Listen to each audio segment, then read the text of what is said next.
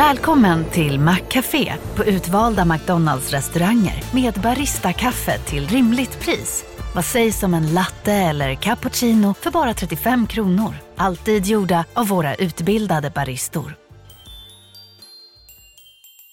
Hej, Susanne Axel här. När du gör som jag och listar dig på en av Krys vårdcentraler får du en fast läkarkontakt som kan din sjukdomshistoria.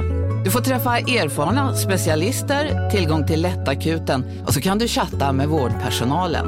Så gör ditt viktigaste val idag, lista dig hos Kry.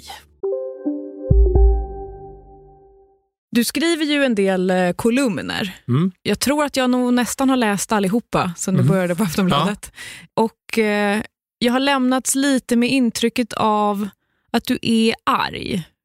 Varför är du arg? Ja, eh, ja, men det kan nog stämma. Det, jag skulle kalla det för en stigande frustration. Ja.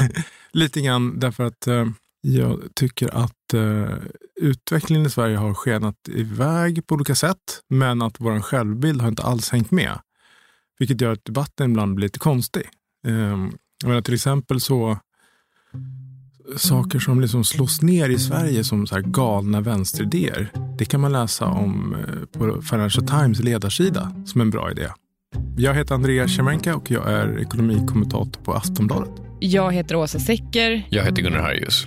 och det här är Kapitalet som idag handlar om vad det är som har gjort Andreas Cervenka så frustrerad och vad det egentligen är som är så fel med den svenska självbilden. Mm. En fråga man kan ställa sig.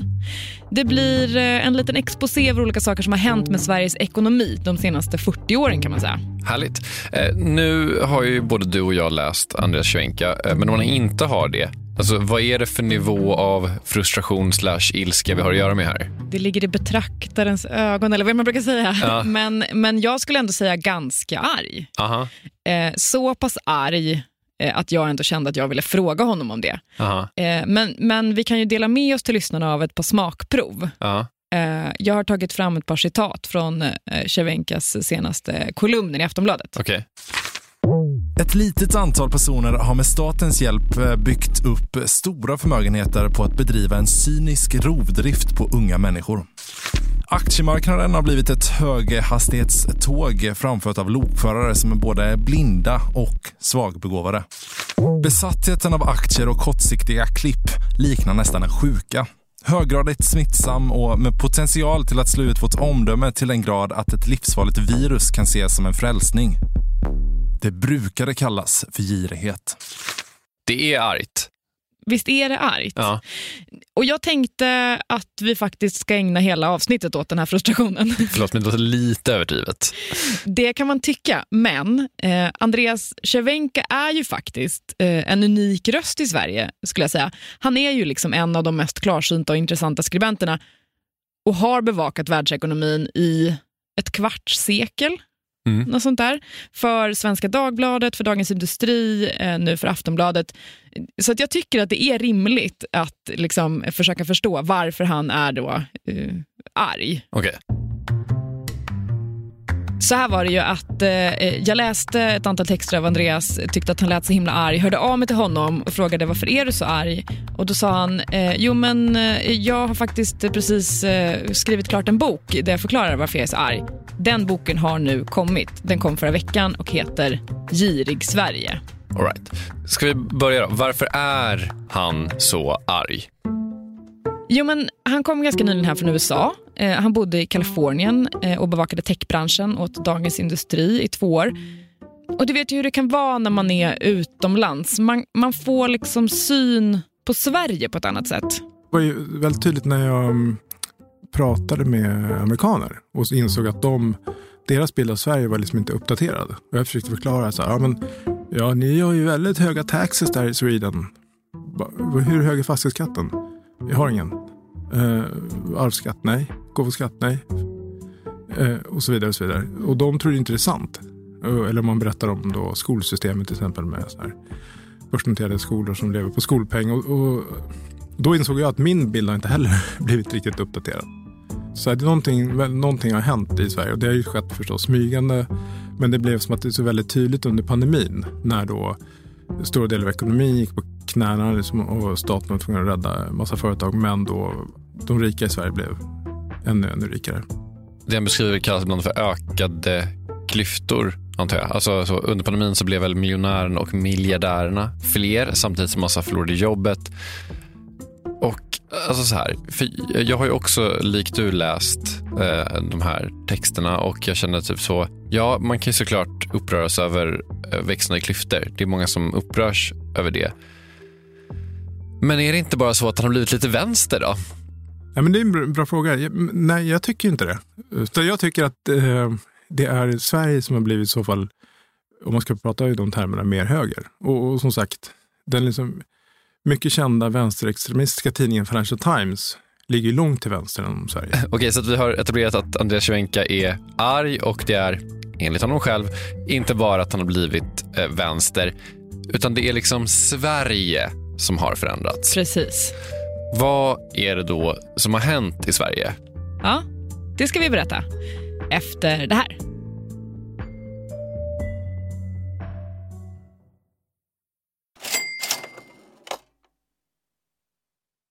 Kapitalet sponsras av SPP och Storebrand Asset Management.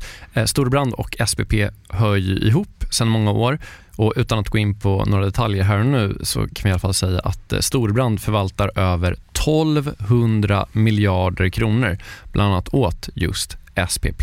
Och du har ju träffat Storebrand, Jakob, och pratat om eh, Kina Ja, eh, vi, vi pratar i alla fall om hur Kina blivit en sån otroligt viktig del i omställningen av energisystemet. Eh, över 70 procent av värdekedjorna inom vind och solkraft kontrolleras av Kina, vilket mm. är otroligt när man tänker på det. Ja. Och Det handlar om att Kina väldigt tidigt insåg att energi är makt och att man genom sol och vindkraft kan göra sig typ fri från att importera olja och gas och sånt. Then if you think that tomorrow or today's you know power base is going to in a large part be about renewables, then obviously having a stranglehold on those renewables and all the technologies that go into it is going to be part and parcel of that power play. Eh, det här är då Philip Ripman som ansvarar för Storbrand Global Solutions, eh, en fond som investerar i lösningsbolag över hela världen. Mm. Och hela det här avsnittet om Kina och geopolitiken som nu liksom är invävd i den globala omställningen, eh, den släpper vi som en bonus här i kapitalet nu i veckan.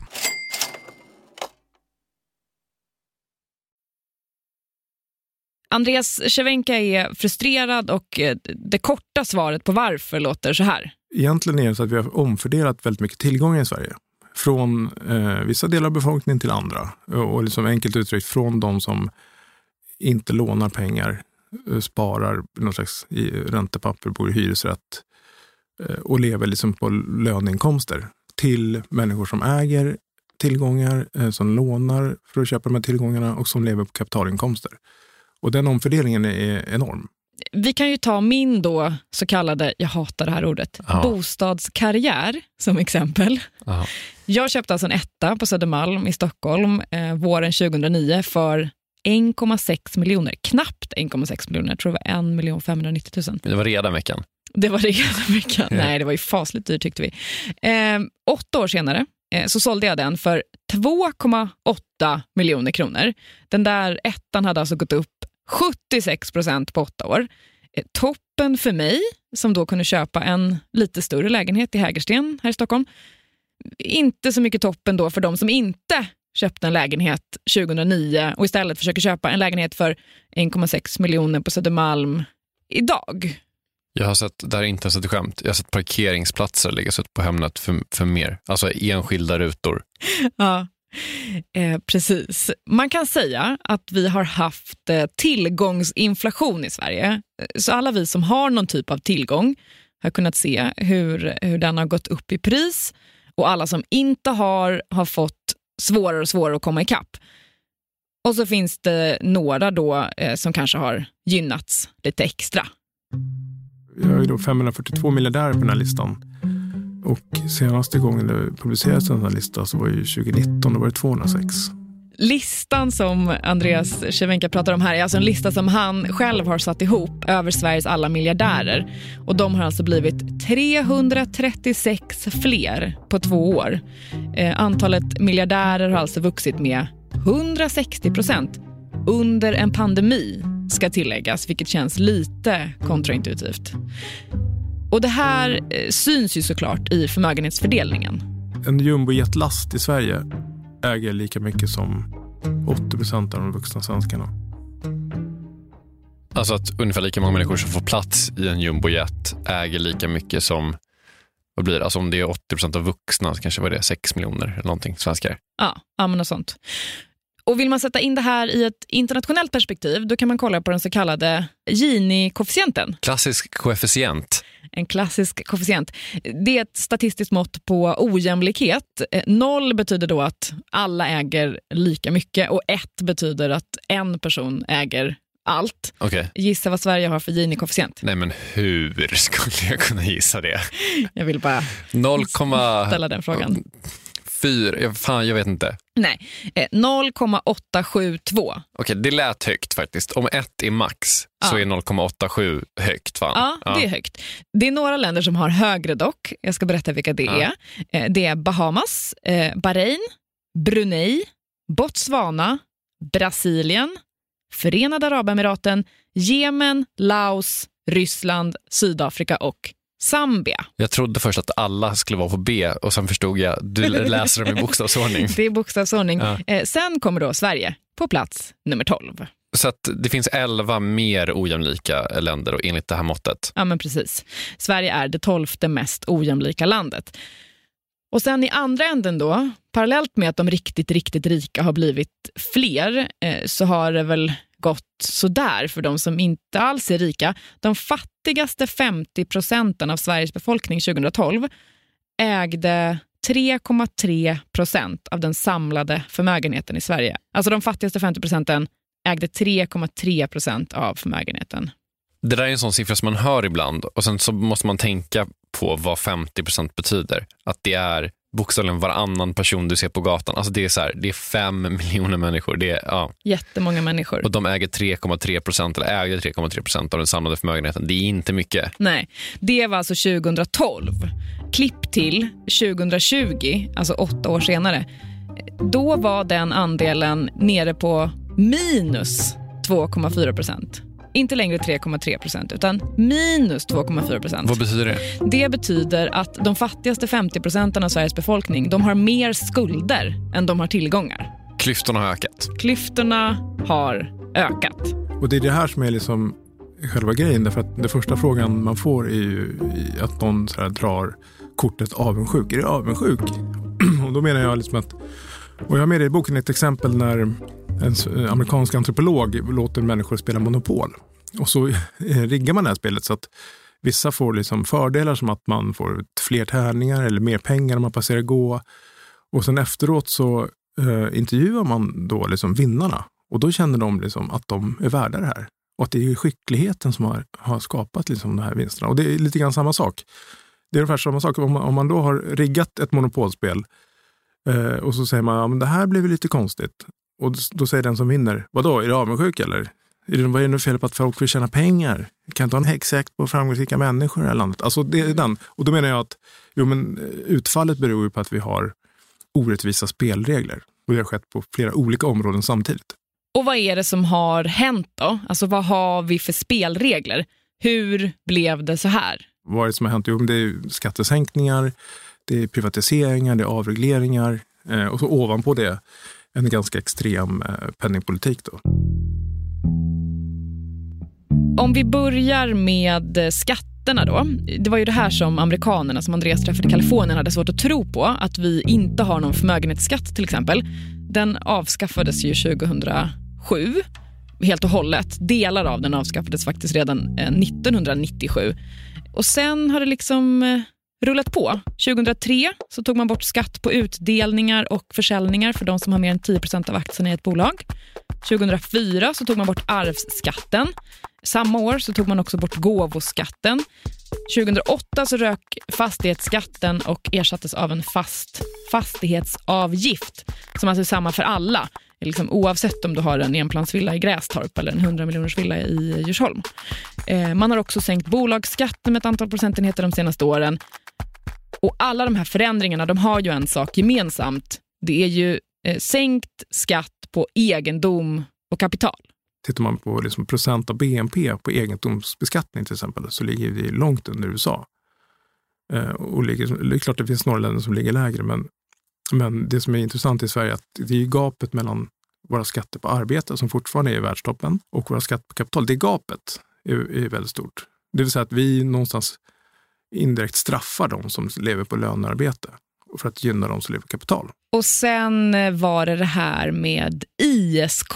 Investeringssparkonto. Det är nog en reform som lite grann i skymundan i princip har avskaffat beskattningen på kapitalinkomster, i alla fall när börsen stiger, vilket den har gjort liksom i 12 år i sträck. Ska vi bara förklara hur ett ISK-konto ja, ISK funkar? Att istället för att betala då, eh, skatt på kapitalvinster på 30 procent så är det en schablonskatt på beloppet då, som ligger då under en procent, under, tror jag, till och med under en halv procent. Vilket då är fantastiskt bra när börsen går upp. Och den har då kostat i, i uteblivna skatteintäkter åtminstone 160 miljarder. Jag tror egentligen mer. Eh, Sen det eh, instiftades? Liksom. Den fyllde ju tio år här för ett tag sedan. Och det är ju ganska mycket pengar. Och vilka har gynnats mest av det? Jo, eh, tittar man på fördelningen, där finns det statistik på Skatteverket, så äger ju 10 procent av ISK, eh, kontoinnehavarna äger ju ungefär nästan 75 procent av tillgångarna. De här 10 procenten utgör 3 procent av Sveriges befolkning. Så en, en reform på 160 miljarder träffar till tre fjärdedelar 3 procent. Är det bra? Men vad var syftet med ISK? Var det att få fler att, och liksom spara på det här sättet? Eller? Ja, det var ju det. Och det var nog kanske vällovligt att man skulle... Och det är ju, är ju kanske också nödvändigt nu eftersom vi har bostadspriserna har dragit iväg, eh, pensionerna är för dåliga. Att särskilt unga ska liksom sparas. Men som man har utformat det så har ju liksom konsekvensen blivit att man också gynnat de som absolut inte behöver eh, subventioner. Och det här är återigen inte eh, liksom ingen vänsterextremism, utan i hela liksom västerländska välfärdsmodellen bygger på liksom till exempel progressiv beskattning. I Sverige har vi regressiv beskattning, nämligen man gynnas mer ju mer man tjänar. Och till exempel fastighetsskatten. Ju dyrare hus du har, desto mer tjänar du. Och ISK är ett annat exempel. Ju mer pengar du har på ISK, desto mer liksom, eh, större besparingar. Och det där, är ju, sticker ju, där sticker ju Sverige ut väldigt mycket. Mm. Det är ingen andra, andra länder som jobbar med regressiv beskattning. Jag har faktiskt flera investeringssparkonton som ja. jag sparar pengar på. Eh, men jag hade ändå dålig koll på liksom hur det här beskattas. Jag har bara förstått att det är så man ska spara, för det är bäst. typ. Just det. Ja, men jag gick in på Skatteverket för att kolla liksom lite mer exakt hur den här beskattningen ser ut. Och Då har de ett räkneexempel på Skatteverkets hemsida för den här schablonskatten. Då. Eh, och Det var så här, om man har satt in 60 000 kronor på ett ISK under ett år och så har de pengarna vuxit med 5 000 när året är slut. Skatten för det kontot kommer att landa på 195 kronor. Alltså 0,375 procent av det så kallade kapitalunderlaget. Mm, det är inte så mycket. Det är inte mycket alls. Och Det här är ju jättebra för alla småsparare, för när börsen går upp och man gör lite vinst, då får man liksom behålla det allra mesta av det. Eh, men som Andreas säger så är det en ganska liten grupp då, på 3 procent av svenskarna som äger 75 procent av tillgångarna som finns på ISK-kontona. Okej, så det är då skatterna. Vad var det mer? Det var avregleringar? Ja, och den största och mest betydelsefulla avregleringen var förmodligen, det här är mina ord, mina värderande ord, ja. men det var förmodligen den som gjordes redan 1985. Eh, den som har fått det klatschiga namnet Novemberrevolutionen. Det finns en film av Dan Josefsson som eh, heter eh, Novemberrevolutionen och handlar om, surprise surprise, Novemberrevolutionen. Det här programmet handlar om en kupp den gjordes för snart 20 år sedan och den ledde till massarbetslöshet i Sverige. Premissen för den filmen är typ så, det här är en revolution som ingen känner till. Eh, om man är en av de som inte känner till novemberrevolutionen, vad är det för någonting?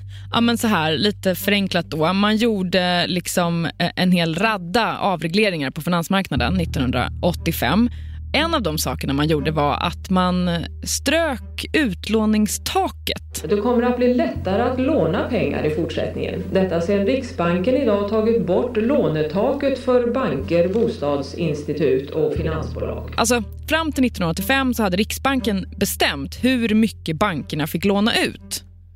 Och nu sket man i det. Mm -hmm. Vad tror du hände sen? Jag tror att bankerna började låna ut ganska mycket mer pengar. Bankerna vräker ut lån över hushållen. Låneexplosionen i Sverige fortsätter och på sikt kan det här ruinera både Sveriges och hushållens ekonomi. Bankerna började låna ut svine mycket pengar och vad händer i början på 90-talet? Då inträffar eh, den så kallade början av 90-talskrisen. Det här är eh, den allvarligaste ekonomiska krisen i Sverige sedan 30-talet. Arbetslösheten Fastighetspriserna sjunker som en sten. Det är ju massa saker som pågår där i början på 90-talet, men det är liksom en del av det. Ja. Men marknaden repar sig igen och priserna går upp eh, och sen går de upp och sen går de upp lite till och folk fortsätter att låna. Och Det här ska man ju komma ihåg också är innan det fanns något bolånetak. Det infördes 2010 tror jag. Det fanns liksom ingen gräns för hur mycket av bostadens värde som du fick belåna. Det var bara att tuta och köra. Man kunde låna 100 procent. Ja, mer faktiskt. Man kanske behövde renovera köket till exempel, som Andreas påpekar i sin bok. 105. 105. Toppen. Verkligen. Och 2004 så gör regeringen en lagändring som ska elda på utlåningen ännu lite mer, får man nog säga. För 2004 så träder nämligen lagen om säkerställda obligationer i kraft. Säkerställda obligationer, också kända som bostadsobligationer. Exakt, har förekommit i tidigare kapitalavsnitt. Ja. Efter 2004 så blir det liksom mycket enklare för bankerna att paketera våra bolån och sälja dem vidare som obligationer. Och De här obligationerna är ju mycket bättre än vanliga obligationer för de säkerställda obligationerna backas ju upp av våra bostäder. Mm. Alltså, det är bostäderna som är den slutliga säkerheten. Ska vi bara förklara jätte, jättekort. Alltså det är typ så att du och jag lånar på varsin lägenhet. Tillsammans är det värt 10 miljoner. Så tar man det och paketerar ihop det tillsammans med eh, jätte, jätte, jättemånga andra lån som tillsammans kanske har en genomsnittlig ränta på typ 1 procent eller någonting. Och då köper någon den obligationen, det vill säga bankerna tar in pengarna, gör sig av med risken och så får de lite ränta på det. Typ. Och om allting går åt helvete med en säkerställd obligation så händer vad då? Eh, ja, men då har ju den som har köpt obligationen rätt till panten, alltså våra lägenheter. Så att ett typ Nya pensionsbolag kommer typ bokstavligen komma hem till dig och ta din, din lägenhet. Kanske inte bokstavligen, men de har rätt att göra det. Ja, ja. Ja. F- Jag hoppas att det här aldrig händer för jag skulle vilja se det. På ett Ja. sätt jag skulle vilja se det i case. Men ja. Ja. Eh, säkerställda obligationer, en succé för bankerna skulle man kunna säga. Eh, värdet på eh, utgivna säkerställda obligationer gick alltså från noll 2006, för det var ju liksom nytt, till 2600 miljarder kronor 2020. Det är mycket pengar. Och Det säger sig självt att om det blir lättare för bankerna att finansiera bolånen så blir de ju förmodligen mer benägna att låna ut. Eh, Och Då kan de som har möjlighet att ta lån låna ännu mer och så ökar avståndet till de som inte kan låna ännu mer. Du fattar. Jag fattar. Och nu kommer vi till den sista grejen som Andreas Cervenka menar är en av orsakerna till att klyftorna har vuxit så himla mycket. Penningpolitiken. Eh, Och jag tänkte att vi kan ju låta Riksbanken och riksbankschefen eh, Stefan Ingves eh, förklara själva. Det här är från en informationsfilm som Riksbanken har lagt upp på sin Youtube. Penningpolitik är det Stefan och Riksbanken sysslar med.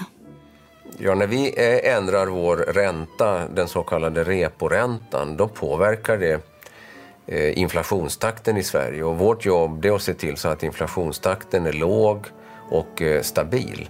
Målet Riksbanken har för inflationen ligger på 2% Det innebär att konsumentpriserna bör stiga med 2% per år. Och för att nå inflationsmålet arbetar Riksbanken aktivt med att ändra styrräntan. Då har ju då Sverige haft, eh, jag menar, sedan 2014 har jag haft noll eller minusränta. 2010 tog Riksbanken själva bort eh, så här intervall som gjorde att de kunde tolerera eh, lite lägre inflation eller högre. Och det gjorde att det blev helt viktigt att, att, och jaga de här tiondelarna för att nå 2 målet. Så de har, man då mitt i en högkonjunktur under många, många år haft ingen ränta alls. Det man gör när man har så här låg ränta är att man faktiskt intecknar framtiden. Så här, för hela grejen med, att, med låg ränta är ju att man vill få människor att eh, istället för att konsumera imorgon, istället för att köpa den där bilen eller diskmaskinen nästa år, så ska man göra det redan idag. Det är ju hela grejen med att sänka ränta. Och, och man ska liksom belåna sig för att göra det. Vad har man gjort nu sedan finanskrisen? Man har ju som haft rea i 12 år i sträck. Man har intecknat liksom framtida efterfrågan i 12 år. Så om man över en natt skulle dra upp räntan till vad den var innan finanskrisen, så här 4 styrränta, då kan det vara som en, en liksom, man faller av från en avgrund. Och då har man egentligen intecknat framtida kassaflöden som ska genereras av framtida människor, det vill säga de som är unga idag. Och Ska man prata om vilka som har tjänat på det här? förutom alla vi som äger vår bostad och har haft extremt låga räntor, så kan man ju också nämna alla de som har eh, investerat i fastigheter till exempel. En otroligt låneberoende bransch. Fastighetsmiljardärerna i Sverige har inte direkt blivit färre de senaste tio åren. Nej. Och såklart också de som driver techbolag eh, som är väldigt högt värderade. För att när räntan är låg så letar ju investerare avkastning någon annanstans och kastar jättegärna pengar på techbolag som har hög tillväxt, är högt värderade och har potential att gå med vinst på sikt. Eh, vdn för riskkapitalbolaget Social Capital har varit väldigt kritisk mot det där sista och kallat den här enorma tillväxten som man har sett i många techbolag för köpt, olönsam och artificiell. Det var hårt. Men så här, man hör ju att André Cervenka tycker att det här är ett problem. Men om man ska vara lite så djävulens advokat, alltså varför är det ett så stort problem? Alltså, vem lider av att techbolagen är högt värderade? Och det är framförallt folk som har de här tillgångarna som vi pratar om, alltså typ lägenheter som har tjänat på det här och helt ärligt, en majoritet av alla svenskar äger väl sin bostad. Två tredjedelar tror jag. Två, precis, att jag så här, om folk då känner sig rika och har mer pengar över PGA låga räntor så konsumeras det väl mer och det är bra för svensk ekonomi och skapas nya jobb och så kan vi, du vet, tillväxt och allt det där. Så, jag menar, vad är problemet? Eh, det kan man säga. Jag skulle säga, börja med att svara, vad är bra med det? I någon slags universell eh, rättvisekänsla, så, om du frågar hundra barn om de tycker att det här är bra, så skulle de säga att det verkar lite dåligt. Eh, så det är liksom, så att jag tycker mer bevisbördan är, är liksom på de som har skapat det här. Men med det sagt så finns det också väldigt mycket tydliga indikationer på att det är inte heller optimalt för samhällsutvecklingen och det är inte ens optimalt för de som är rika. Till exempel så har ju då eh, vissa forskare som jag tar med i boken kunnat peka på att ökad ojämlikhet kan vara en indikator för kommande finanskriser. Det är inte så konstigt om man tänker efter eftersom det ofta hänger ihop med liksom ökad skuldsättning och det är ju Sverige lysande exempel på. Eh, en annan är att man pekar på att det verkar vara dämpande för tillväxten i ett land. Mm. Som av en händelse har Sverige faktiskt haft usel ekonomisk tillväxt under den här tiden när klyftorna ökat som mest, nämligen efter finanskrisen. Men är det korrelation eller kausalitet? Som ja, det, det, exakt. Det, det, är liksom, det är ett område man bör studera närmare. Men, men eh, man kan konstatera det. Och det, och det, är liksom, det här är någonting, liksom, forskning som, som pågår. Det är de här eh, tillväxten, risk för kriser, Eh, Eh, men jag skulle vilja lägga till eh, kanske en ännu viktigare. Det är liksom den här kostnaden som kanske inte syns. Eh, nämligen vad händer i ett land med mycket tillgångsinflation? Jo, det påverkar hur ser det ut i städerna? Vilka bor var? Vilka yrken kan man ha? Vilka yrken är intressanta? Det blir liksom en ekonomisk uppoffring äntligen ta på sig vissa yrken som vi samtidigt anser är väldigt samhällsviktiga. Som sjukvård, lärare, polis, militär. Mm. Yrken som inte betalar särskilt bra. Och det är liksom inte ointressant vad du tjänar längre eftersom du måste tjäna så mycket för att kunna bo på ett sätt som till exempel dina föräldrar har bott. Och det är liksom, tror jag, lite demoraliserande. Ja, men bara du utbildar dig och jobbar på så kommer allt lösa sig.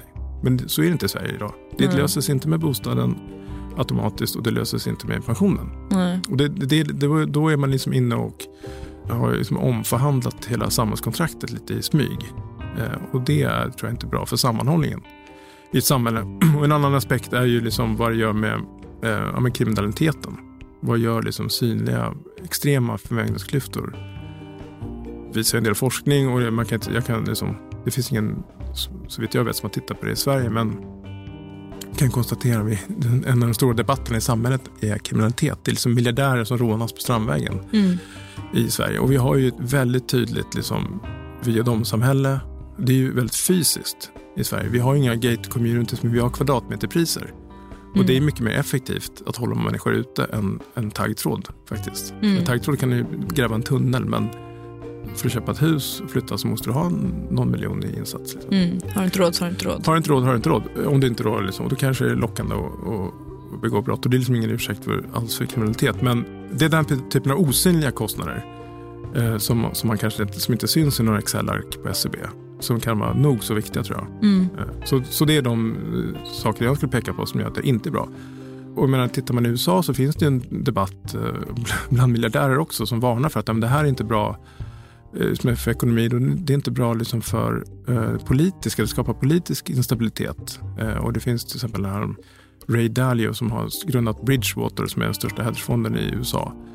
Eh, han har ju varnat för att det här kan bli socialt uppror och till och med inbördeskrig och, och sådär. Och, Ojämlikheten. Ojämlikheten är en faktor som har skapat det här. Och, en, och där i, i USA, kanske ännu mer tydligt än i Sverige, en medelklass också som har halkat efter väldigt mycket. Mm. Eh, så att det där är ju, och, det där är ju sånt man kommer komma på först efter.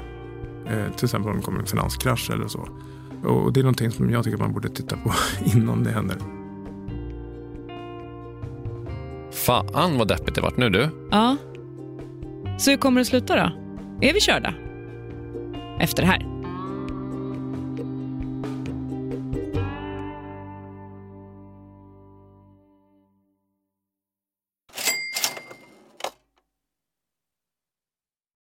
Vi- sponsras ju av SPP och vi var ju med dem eh, på Tech förra veckan. Och jag tänkte berätta om en bolagspitch som jag såg. Ja.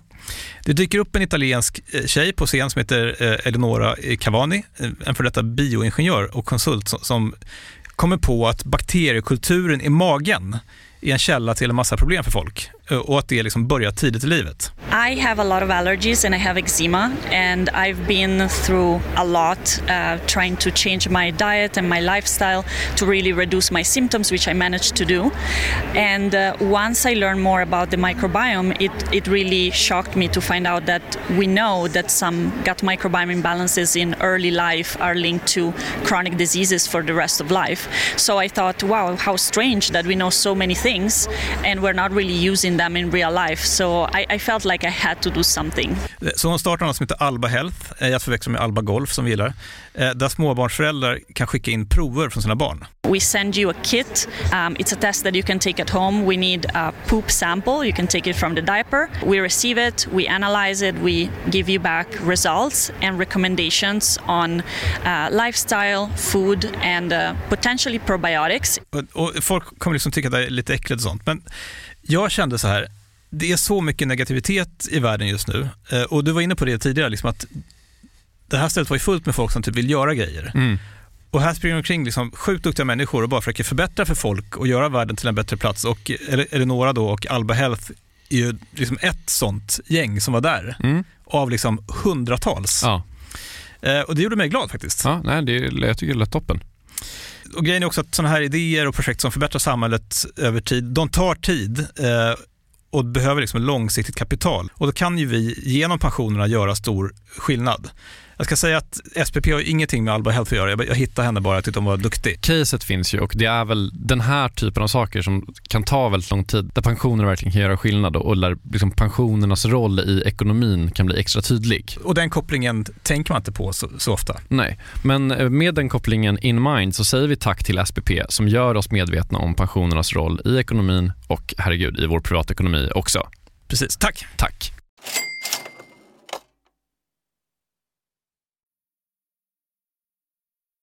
Ekonomijournalisten Andrea Cervenka har målat upp något slags eh, skräckscenario här. Är det överdriva? Nej, jag tycker inte det. Superhög tillgångsinflation, eh, de rika blir rikare, de fattiga blir fattigare och det här riskerar att leda till jättemycket jättedåliga saker, till exempel lägre tillväxt, ny finanskris, social och politisk oro, OSV, OSV, OSV. Precis. Och Andreas har ju en del teorier då om hur vi hamnade här, eh, hur vi har avreglerat och sänkt skatten på kapital och samtidigt hållit nere räntan väldigt länge till exempel. Men nu då? Alltså vad ska hända nu då? Hur kommer det sluta? För att svara på det så tror jag att vi behöver, jag behöver, kanske du också, titta oss själva i spegeln lite grann. Aha. Ja.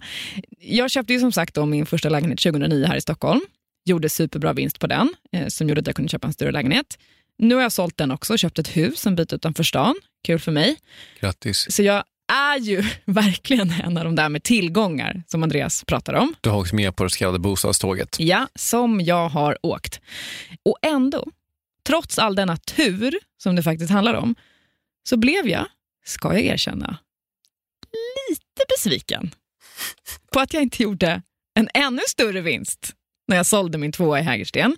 Ja. Till saken hör eh, att jag har en kompis som sålde sin lägenhet ungefär samtidigt och gjorde en ganska rejält mycket större vinst. Och Då blev jag avundsjuk och tyckte det var orättvist. Ja, men, Det här är vidrigt, jag jo, vet. Det är men allting är ju också relativt. Jo, Ja. men det är vidrigt. Mm. Men eftersom att jag pratade med Andreas Cervenka om just bostadsmarknaden och tillgångsinflationen och hur man har vant sig vid att det går upp, upp, upp, upp, upp, så berättade jag det här för honom. Och det är därför jag har kallat den här boken för Girig Sverige. Därför att exakt, det är jag som är girig. det, det, nej, men det har blivit någon slags, från att det var någon som jag pratade med som sa ganska bra, att det har gått från en dödssynd eh, till en dygd, att man ska liksom eh, jaga pengar till en nödvändighet. Man måste vara lite girig då, om man ska ha någon pension eller Ja. eh, bostad. Så, här, så att, och med girig menar jag liksom att man, någon slags, eh, det är ett väldigt negativt laddat ord, särskilt i Sverige, men att man liksom en överdriven besatthet av att få in pengar. Liksom. Mm. Och det där är ju ett jätteproblem att om man har den mentaliteten så tar det lång tid att eh, ställa om tror jag. Då blir Mm. uppvaknandet också brutalt. Tänk om, jag har ingen aning, men ränt, boräntorna var ju så sent som 2008 var ju så här 5-6 procent. Mm. Det är ju lite svettigt. Bankerna sitter med sina kalkylräntor men i praktiken är det ju självklart liksom ingen som räknar med det. Nej. Ing, ingen har gjort det i alla fall på, på väldigt länge. Nej, det räknar man verkligen inte med. Jag pratade med, jag är kassör i styrelsen för vår bostadsrättsförening. Jag äger också en bostadsrätt. Ja. Och eh, så förhandlade vi eh, lån och så var det så här, eh, jag bara, ja men kanske man ska ha höjd för att det ska bli kanske 7% eller 6% eller någonting sånt där i framtiden. Och liksom bankmannen på riktigt sa så här, du, om det blir 7% ränta i det här landet, då är, då är din bostadsrättsförening det sista av dina problem. Marken kommer börja brinna under dig. Nej. Det sista hittade jag på. Ja. Sa, Sjukaste jag hört. Ja. Nej, men det är det där vi har levt i. Liksom, tanken på 6 i ränta gör mig absolut väldigt svettig. ja. Eventuellt lite panikslagen. Och det var också lite den känslan jag hade när jag hade läst klart Andreas bok. När jag hade läst din bok eh, så var jag ju skräckslagen. Mm. Fullkomligt skräckslagen. Jag åkte hem till min sambo och bara, fan, ska vi ta lån här nu för det här huset vi har köpt? Ska inte vi bara checka ut från systemet och bo i en koja ungefär? Mm. Det, det var liksom min eh, känsla. Är det den känslan du vill att man ska ha när man har läst klart? Um, nej, ja, ja nej. Eller, jag- vill, det enda jag vill med den här boken är att man själv ska fundera hur vi har eh, liksom, organiserat samhället och vad vi prioriterar. Är det liksom, och, återigen, det är det här med, med spelreglerna. Att, att, eh, det finns inget negativt att någon blir, blir rik, men, men jag menar, det kan ju vara så att någon kanske eh, tjänar 5 miljarder på fastigheter, inte 50 på 10 år. Liksom. Och det är de här enorma klyftorna där, där, och där man liksom har hakat av stora delar av befolkningen. Som är liksom något slags eh, B-lag. Plus man har byggt upp alla de här riskerna. Så jag vill att man ska liksom, jag hoppas att man ska, det här är som ett diskussionsunderlag. Hur ska vi organisera samhället? Vad är egentligen viktigast? Eh, och nu har vi också fått, det här är spilt över att vi har ett liksom ekonomiskt tänkande i varenda vrå av samhällsekonomin. Eh, menar, vården pratas mycket om, skolan, alla är små resultatenheter, alla liksom statliga verksamheter har så marginalmål och avkastningsmål. Och jag tror ju att det är ett väldigt dumt sätt att styra mellanmänsklig samvaro. Och det visar ju då, jag menar, ta ett företag som Ericsson till exempel. För att vinna, öka sin tillväxt och hålla uppe sin bruttomarginal har man mutat sig fram runt, runt om i världen. Ja, men då kostar det nu eh, på grund av liksom 10 miljarder böter och kanske ännu mer och nu är börsvärdet rasat 30 procent. Alltså det är ganska dumt. Det är liksom, eh, Volkswagen fuskar med dieselpriserna. Det är korkat. Mm. Eh, och det tror jag att det också är korkat att vrida eh, liksom ett samhälle till en sån liksom nästan manisk jakt på, på snabba pengar som det har blivit i Sverige. Eh, och det, är- det är ju väldigt många som det har ju liksom väldigt många dragits med. Alltså hundratusentals har gått in på börsen.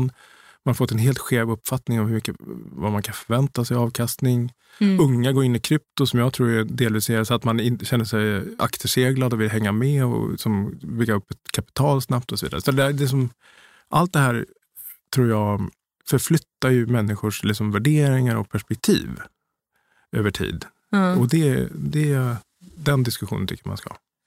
Mm.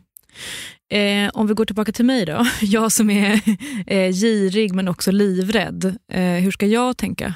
Ja, men det där är en jättebra fråga. Så här, hur ska man tänka själv? För att man sitter kanske på några miljoner i så kapital som är någon slags riktiga pengar.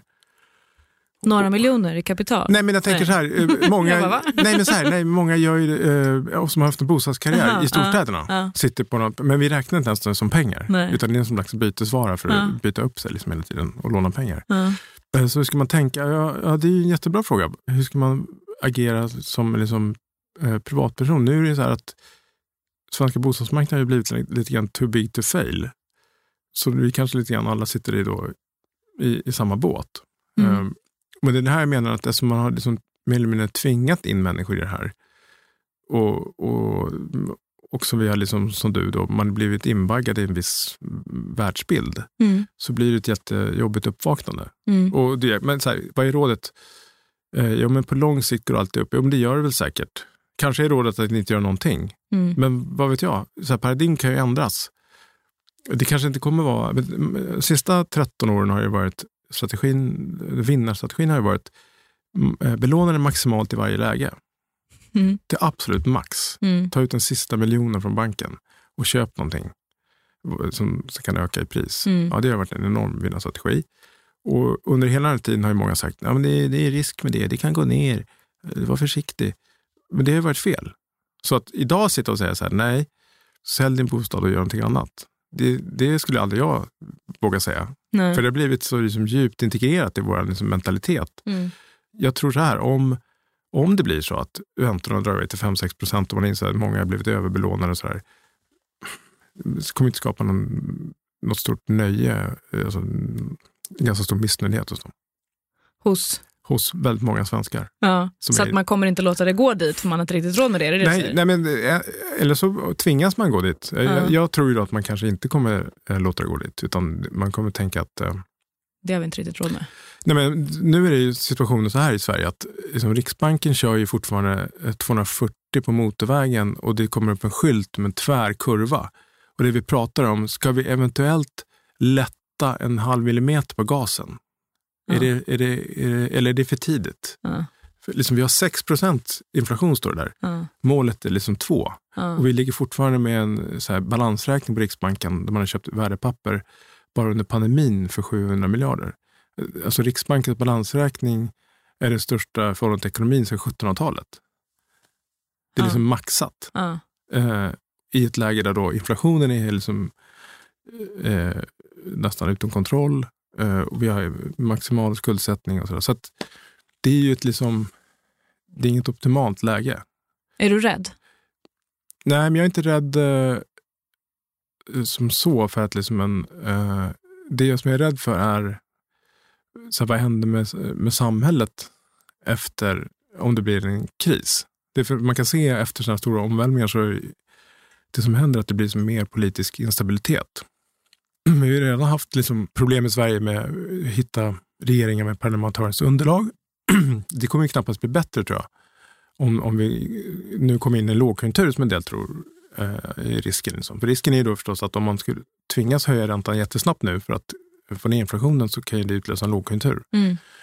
Med allt vad det innebär. Mm. Eh, och stagflation. Och så det är ju som dåliga scenarion. Jag menar, I bästa fall har vi tur så lyckas man liksom dra ut den här kurvan så att det här liksom, drar ut smärtan över lite längre tid. Mm. Men det vet vi inte. Eh, Så, men efter en lågkonjunktur med arbetslöshet så kommer ju inte, tror jag, politiska situationen bli bättre än vad den är idag. Nej. Och det är de där effekterna som, som det syns ju inte liksom i, i penningpolitiska protokollet. Men de är kanske nog så viktiga tror jag. Mm.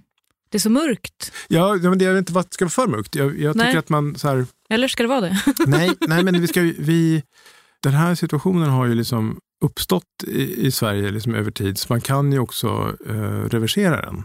Man kan liksom göra ändringar, inte över en natt. Men ändringar. Och, jag menar, mycket av allt är, är ju förstås inte av ondo. Jag menar, att vi har så här entreprenörskap i Sverige, liksom det, det är ju positivt. Det är ingen som har sagt att det är negativt.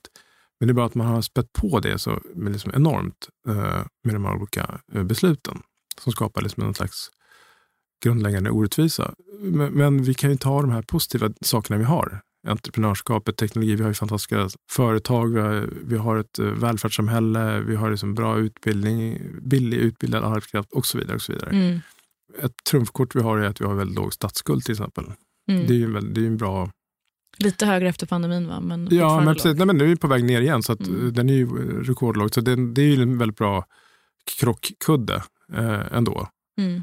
Även om man kanske kunde ha liksom satsat lite mer pengar under tiden tycker jag. Men, men ändå, så det, så det är liksom, allt är inte, absolut inte liksom eh, nattsvart eh, för Sverige. Men det är någon slags, eh, vi befinner oss i någon slags vägskäl tror jag. Andreas Cervenkas nya bok heter Girig Sverige. Man kan också läsa Andreas Cervenka i Aftonbladet. Eh, där dyker upp eh, nya texter av Andreas mest hela tiden. Just det. Vi har också en systerpodd, den heter 0 till 100. Den kan man lyssna på. Eh, sök med bokstäver i din poddspelare 0 till 100. Senaste avsnittet är en intervju med entreprenören Henrik Hallgren som har startat ett parkeringsbolag efter att ha tömt sina sparkonton och sålt sitt tv-spel för att bygga vidare på sin idé. Ja. Eh, lyssna på det, 0 till 100 finns där poddar finns. Vi som har gjort det här programmet heter Åsa Secker och Gunnar Harjus. Slutmix av Jesper Hagenborn. Hej då! Hej då!